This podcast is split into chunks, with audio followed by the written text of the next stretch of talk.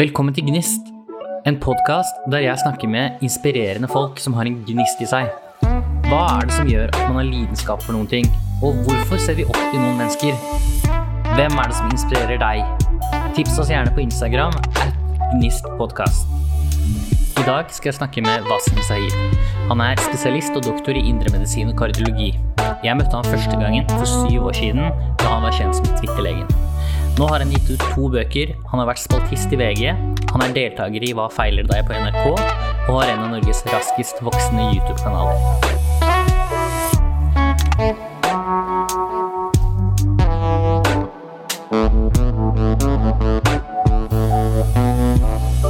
Uh, hei, Wasim. Hallo, hallo.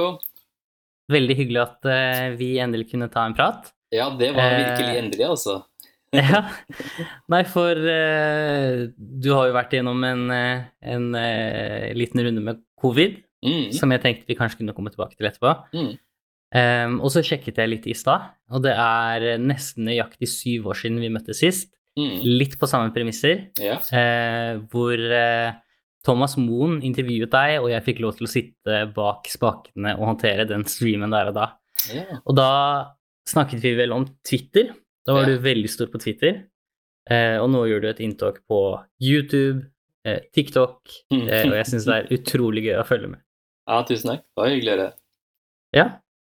Eh, for meg så er du veldig inspirerende, og en, en inspirasjon eh, basert på måten du fremmer din lidenskap for det fagfeltet du jobber med. Eh, hvordan har det gått siden sist? Altså for syv år siden? Ja, det har skjedd eh, veldig mye på syv år. Eh, Jeg har jo på en måte hatt en lidenskap for eh, å formidle. Noe av det første jeg tenker når jeg enten leser noe som er veldig interessant, eller ser et program som er interessant, eller hører på en podkast eller, eller radio som jeg syns er interessant, noe av det første jeg tenker på, er at dette her må jeg fortelle andre. Dette må jeg formidle videre. Så Det er bare en veldig sånn rar sånn trang til å, å bare dele informasjon og kunnskap med andre som Mm. eh, appellerer til meg. Så Det er det ene. Og det andre er at jeg liksom ja, eh, trives veldig med eh, forskjellige plattformer i media. Eh, det være seg på TV eller radio eller altså YouTube, Facebook, Twitter, hva som helst. Så jeg trives veldig liksom, alle de, på alle de arenaene der, da. Um, så, så det er eh, og, og det å kunne kombinere de to, det har bare vært kjempegøy for meg. Og jeg er på stadig eh, let etter uh, nye områder å på en måte markere meg på, og eh, nye måter å lage innhold på. Så det kan vi bare til å fortsette å gjøre. Ja, for som sagt så vir det virker jo som om du virkelig brenner for, eh, for det du gjør, og du er jo helt rå på formidlingen. Jeg syns eh, kvaliteten på det du produserer er kjempebra. Men jeg har et eh, spørsmål som eh, eh, går litt tilbake til eh, det du formidler. Mm. Og det er egentlig hvorfor ble det medisin i utgangspunktet? Ja, det er jo Altså, det Jeg vet ikke. Det er eh, noe jeg på en måte bare hadde bestemt meg for eh, fra barndommen av. Og sannsynligvis fordi eh, det var noe foreldrene mine motiverte meg til, eller inspirerte meg til, påvirket meg til å gjøre. Mm. Så, så jeg hadde bestemt meg for å bli lege allerede da jeg var et barn. Oh, ja. Ja, og jobbet egentlig målrettet mot det. Og, og for meg, så hver- som hver gang jeg har vært i media med, med et eller annet, så har det vært veldig naturlig for meg å, å formidle faget mitt. Fordi Mm. jeg føler at det er, det er det jeg kan, det er det jeg har å by på som er annerledes enn det veldig mange andre i media har. da. Mm. Eh, for det gjelder jo på en måte å være litt eh, spesiell og, og ha noe eget. Og eh, så er jo det slik at eh, helse og medisin det er noe alle har et forhold til, og alle er veldig interessert i. Eh, og jeg følte at det var et eh, behov for å formidle fag på en slik måte at det var lettfattelig og, og interessant for folk, og med et språk som hvem som helst kunne forstå. Så det var liksom min inngang til det, og jeg har alltid liksom fokus på det. At det jeg skal formidle, det skal holde et høyt faglig nivå, men det skal formidles på en slik måte at hvem som helst kan forstå det. Mm. Eh, Så det er liksom derfor så er det eh, medisin for mindre, at det er det jeg formidler. Fordi for å gjøre noe lettfattelig og lett forståelig uten å gjøre det dumt, så må Mm. du kunne det veldig godt. Eh, og det er jo faget mitt jeg kan veldig godt. Eh, jeg tror jeg ville gjort meg som en ganske dårlig formidler hvis jeg plutselig skulle begynne å snakke om tech eller kameraer eller Nei, det tror jeg ikke. game. Der tror jeg du også er ganske dyktig. Ok, men okay, gaming og sånt, da, ikke sant? andre ting. Hvis jeg skulle, så det er noe med at det er, dette her er mitt fagfelt, da, og det er Ja. det jeg er trygg på. Eh, Og da er det også lettere å formidle det. Mm. Apropos ditt fagfelt, det er indremedisin og kardiologi. Ja. Og nå skal jeg prøve å gjette her. Kardiologi er hjerte. Stemmer? Bra.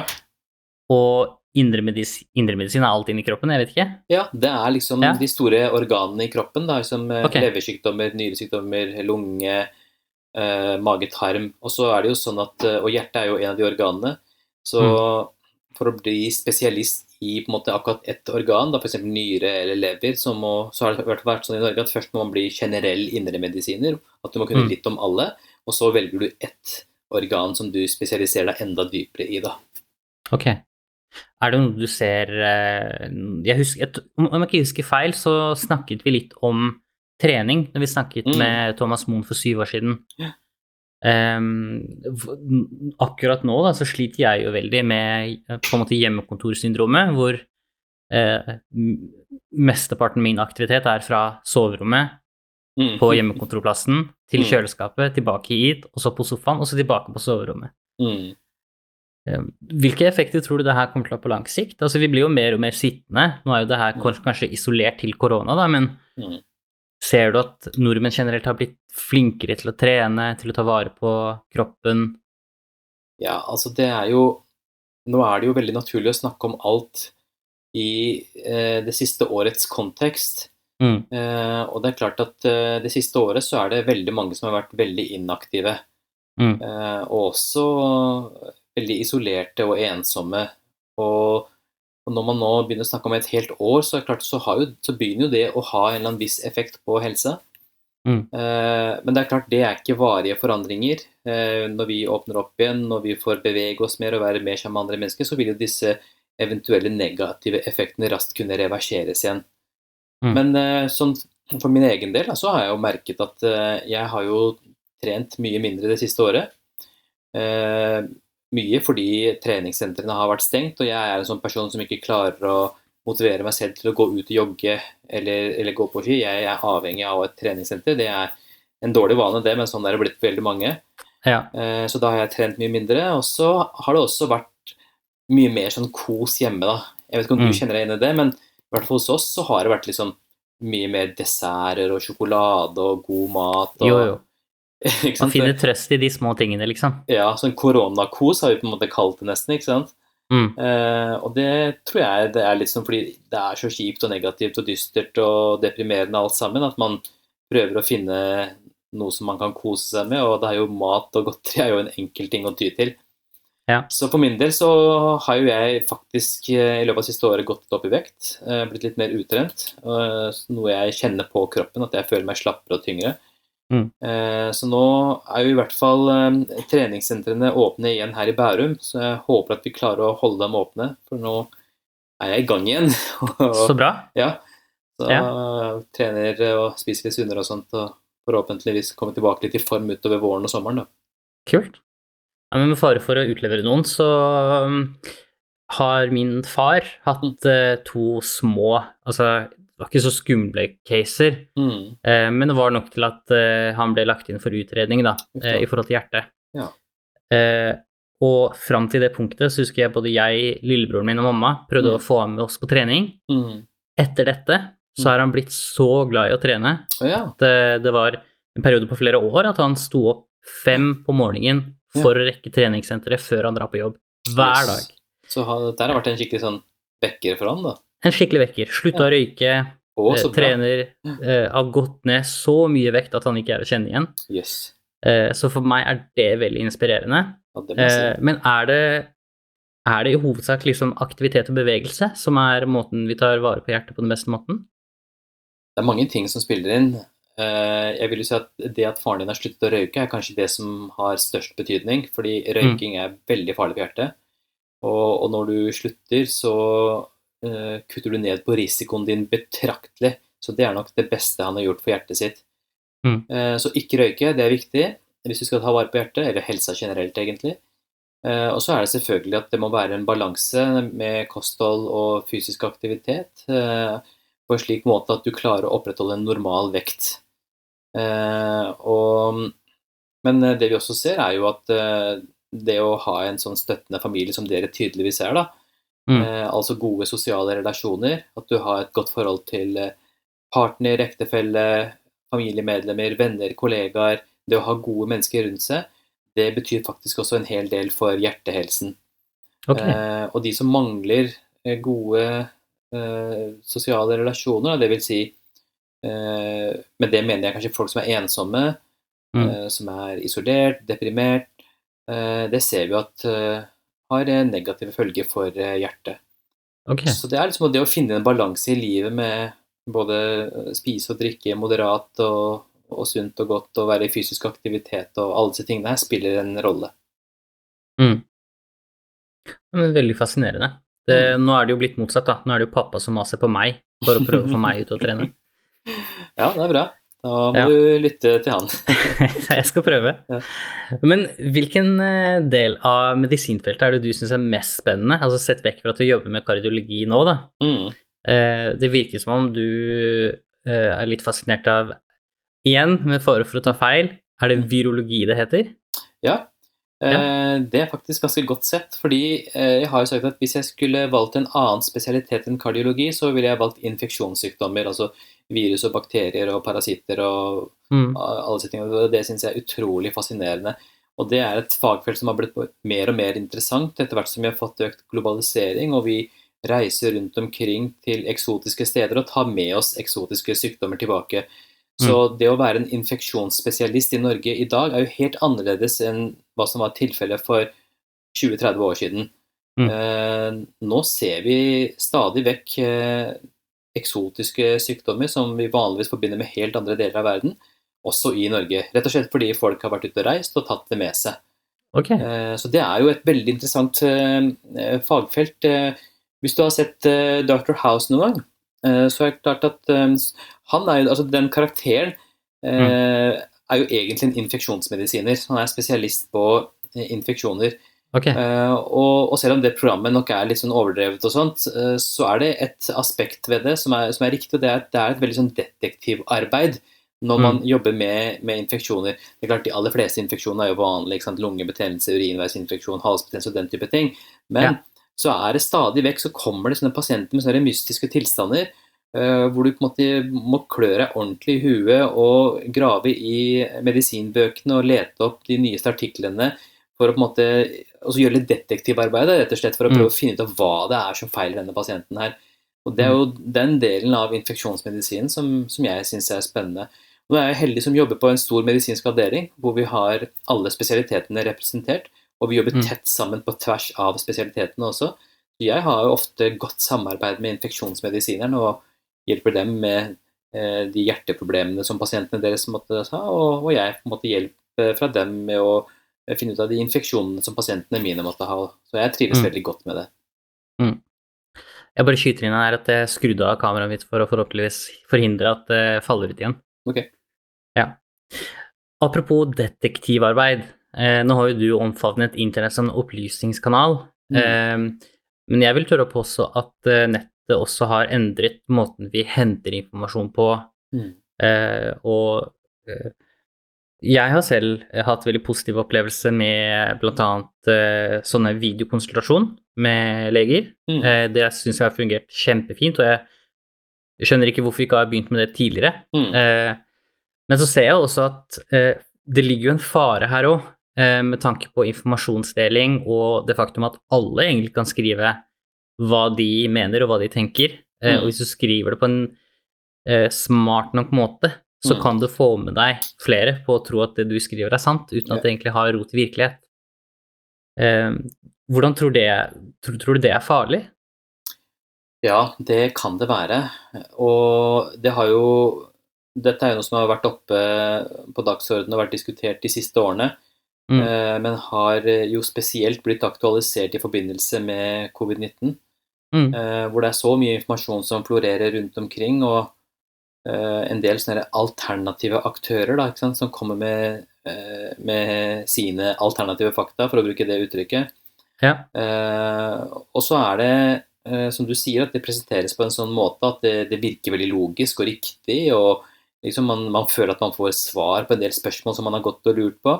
Mm. og det er veldig sånn besnærende og du, lett å tro på det. da. Ja. Uh, og en ting som gjør det enda vanskeligere, det er jo at sant, det, vi, det, vi, ser, er at det finnes litt alternative og skrullete folk i alle, alle, deler av samfunnet. Mm. Også blant de mest utdannede og blant de minst utdannede. Og vi har jo også sett f.eks. leger, altså som, fra min egen stand, som mm. er ute og uttaler seg om ting som på en måte, og sier ting som er helt på siden av det som er mainstream og akseptert av de forskjellige fagmiljøene. Mm. Eh, og når leger eh, med den autoriteten som ligger i den tittelen, eh, går mm. ut og sier ting, så blir det i hvert fall veldig vanskelig for folk å vite hva de skal forholde seg til og ikke. Mm. så det har jo Både det at fagfolk og andre folk har spredd feil informasjon på internett det siste året, har jo bidratt til at håndteringen av pandemien blir vanskeligere. Og det er klart, ja. I ytterste konsekvens så kan det være farlig også. Noen f.eks. Mm. unnlater å teste seg fordi de ikke tror på testen. Uh, unnlater å uh, samarbeide om smitteoppsporing fordi de ikke tror på pandemien. Uh, la være å ta vaksine fordi de mener at det bare er en forgiftning og den type ting. Og for noen få så kan jo det ha faktisk fatale konsekvenser. Absolutt. Altså, det sjukeste jeg har sett i den settingen, er at det var en ganske stor gruppe mennesker som mente at Bill Gates samarbeidet med Pfizer Mm. Om å mikrochippe mennesker gjennom eh, vaksinen og mm. tracke dem og samle data. Og, ja, jeg syns det er rart, men nå er jo den veldig ekstrem, da. Men uh, når det kommer til å si Jeg har bl.a. Kom, kommet over innlegg som hevder at vaksinene er raskt utviklet. De er er lite forsket på. Det kan være bivirkninger knyttet til dem som man ikke kjenner til. Men så vet jeg jo på en måte baksiden av dette, at mm. uh, man ble nødt til å jobbe raskt. Man har mm. ikke, det, det, betyr ikke at man har kuttet uh, hjørner, på en måte, man har gjort mm. arbeidet. Mm. Uh, men samtidig så forstår jeg mm. at uh, det kan være vanskelig å skille på hva som er riktig og feil. Da. Ja, absolutt, og det er veldig stor forståelse for det også. Det er vi som på en måte har drevet litt med Altså debattert mot den type folk på nettet og sånn. Det er et uttrykk som heter 'jacking off'.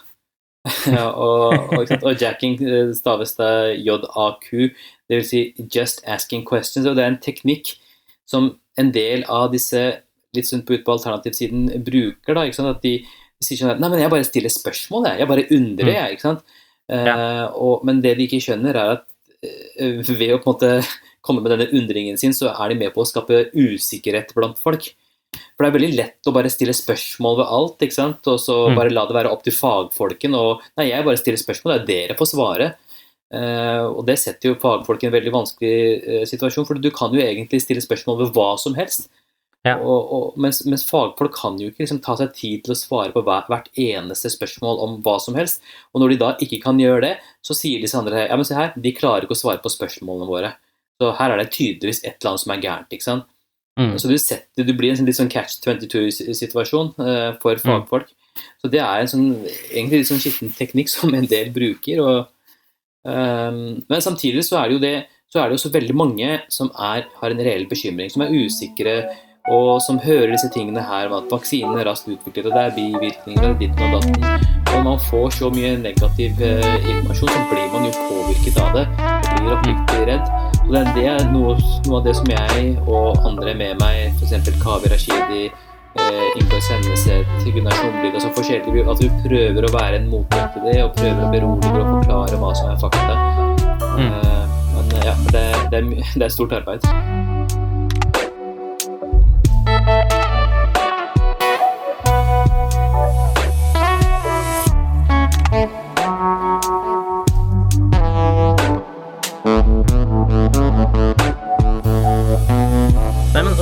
Til eh, elefanten i rommet, da.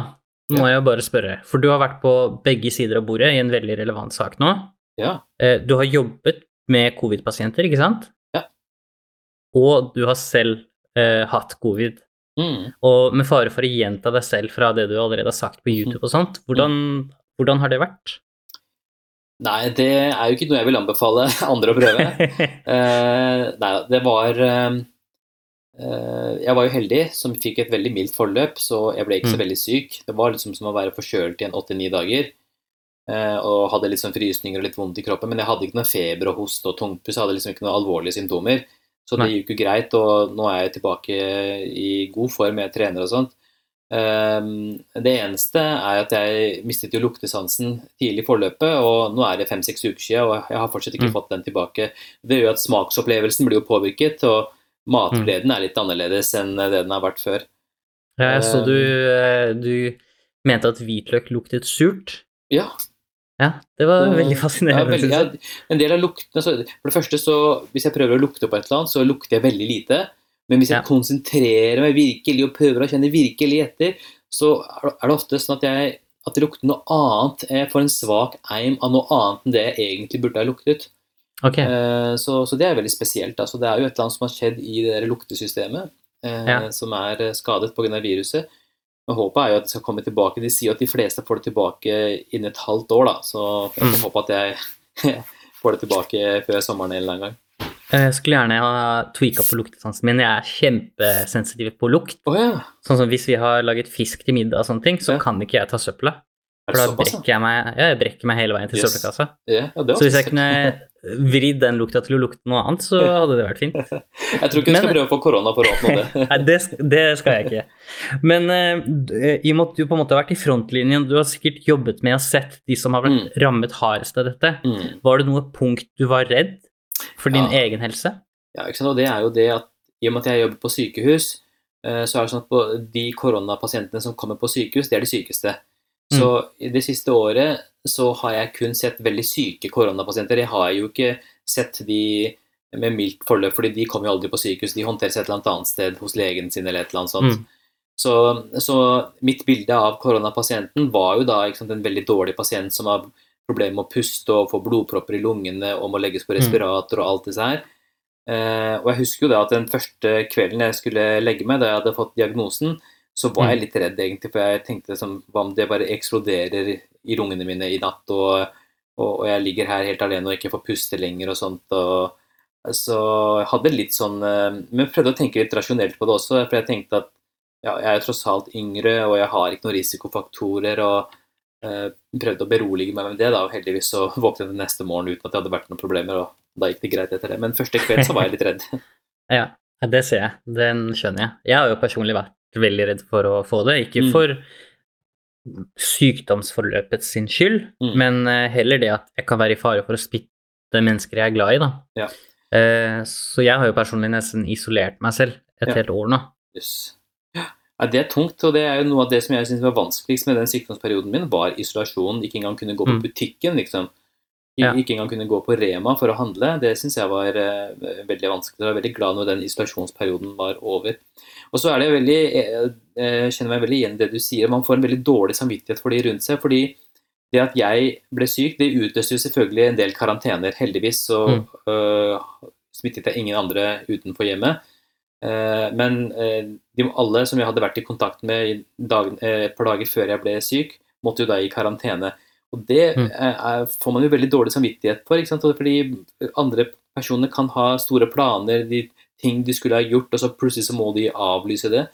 Mm. Det er klart det er ikke min feil, men likevel så syns man det er veldig kjipt. Vi skulle faktisk ha en stor innspilling på NRK, eh, og så, som, så måtte hele greia måtte avlyse. Det var en svær produksjon med flere titalls eh, som jobbet på det, og, og det skulle være en innspilling som gikk over flere dager, så alt det måtte jo bare avlyses. Eh, og selvfølgelig sikkert et kjempetap for, eh, for NRK. Eh, så man får jo veldig dårlig samvittighet eh, for de rundt seg, da, eh, når man utløser sånne ting. Mm. Du smittet ingen i hjemmet? Jo, her hjemme så var det jo flere som ble smittet, men Ok. eh, det var ingen som fikk noe alvorlig forløp. Og, Det er bra. ja, og så barna de, de ble jo testa hele tiden. I og med at Mm. når man bor sammen med en som har covid, så, må de, så blir de testet jevnlig. Og etter Mm. hvert så testet de positivt, men de hadde ikke noen plager i det hele tatt. Så de var helt asymptomatiske. Det viser jo da også at, unge mennesker og barn og ungdommer de blir nesten ikke, de blir egentlig ikke syke av koronaviruset. Eller i hvert fall i veldig liten grad, da. Jeg går jo med en eh, indre drøm at når vi har vaksinert den delen av, eh, av eh, folket som er i risikosonen, Mm. så kan man begynne å åpne opp litt, Mm. med forbehold, da, selvfølgelig. Ja. Eh, men vi får se. Ja, det får vi se. Vi får se. Ja. Ja. Jeg håper at vi har fått vaksinert såpass at vi kanskje kan reise litt i sommer og sånt, da, og i hvert fall utover høsten. Så det hadde vært veldig hyggelig. Det hadde vært veldig fint. Hvor eh, tenker du å reise først? Ah, nei, det Nå er jo alt Nå virker til og med tur til København kjempeattraktivt, ikke sant? Ja, ja. Uh, så nei, så jeg har lyst til å Alle her i familien er veldig glad i å reise. Jeg er veldig glad i London og Paris og ja, så et eller annet sted nedover i Europa. ja. Vi har pleid å ha en eh, årlig tradisjon i vår eh, lille familie. Mhm. Vi er fire stykker. Yeah. Og i seks-syv år, tror jeg, Mm. så dro vi til Paris den første helgen i desember hvert år. Å, så koselig. Og det var kjempefint. Litt altså helt syk julestemning, Ja. kjempekoselig. Og bare det at det var en tradisjon, at Ja. dette her gjør vi hvert år. Åh. Og så har jo broren min flyttet til utlandet, jeg har flyttet ut. Mm. Eh, så jeg tenker at eh, hvis eh, ingen tar ansvar, så skal jeg eh, ta ansvar for å få det til å skje i år. Altså. Dersom vi får lov, da. Det, jeg tror det er god sjanse for det, ass. Ja. Det, det som eventuelt måtte eh, ødelegge for det, er at det kommer noen sånne rare muterte varianter som ingen av vaksinene har effekt mot. Det, men det ser jo ikke, ikke det ser jo ikke, ja, det ser ikke ut at det skjer. Jeg tror det er gode sjanser for å reise til Paris til høsten. Altså. Ja, jeg håper det. Jeg håper det. Um, men jeg har et annet spørsmål til deg. For du har tre barn, ikke sant? Fire. Fire barn. Mm. Fire barn. Uh, men du selv er jo født og oppvokst her i Norge. Mm. Uh, jeg òg. men jeg vet ikke hvordan det var i din oppvekst. Altså, nå har, det ikke vært sånn at det har vært noe utdanningspress på Mm. mine skuldre fra mine foreldre. Mm. Men i min kultur så er det selvfølgelig sånn at man skal ha en høyere utdanning. Mm. I Iran så er det jo sånn at du skal helst være advokat, jurist eller tannlege. Mm. Eh, så alle er jo jurister, alle er leger. Mm. Eh, vi fikk jo ikke noe press. Jeg, fikk, jeg har aldri følt at det har vært noe press på mine skuldre. Mm. Eh, det har vært en forventning om at vi skulle Mm. ta en utdanning, Mm. samme hva det var. Mm. Bare sånn at vi på en måte har ryggen dekka.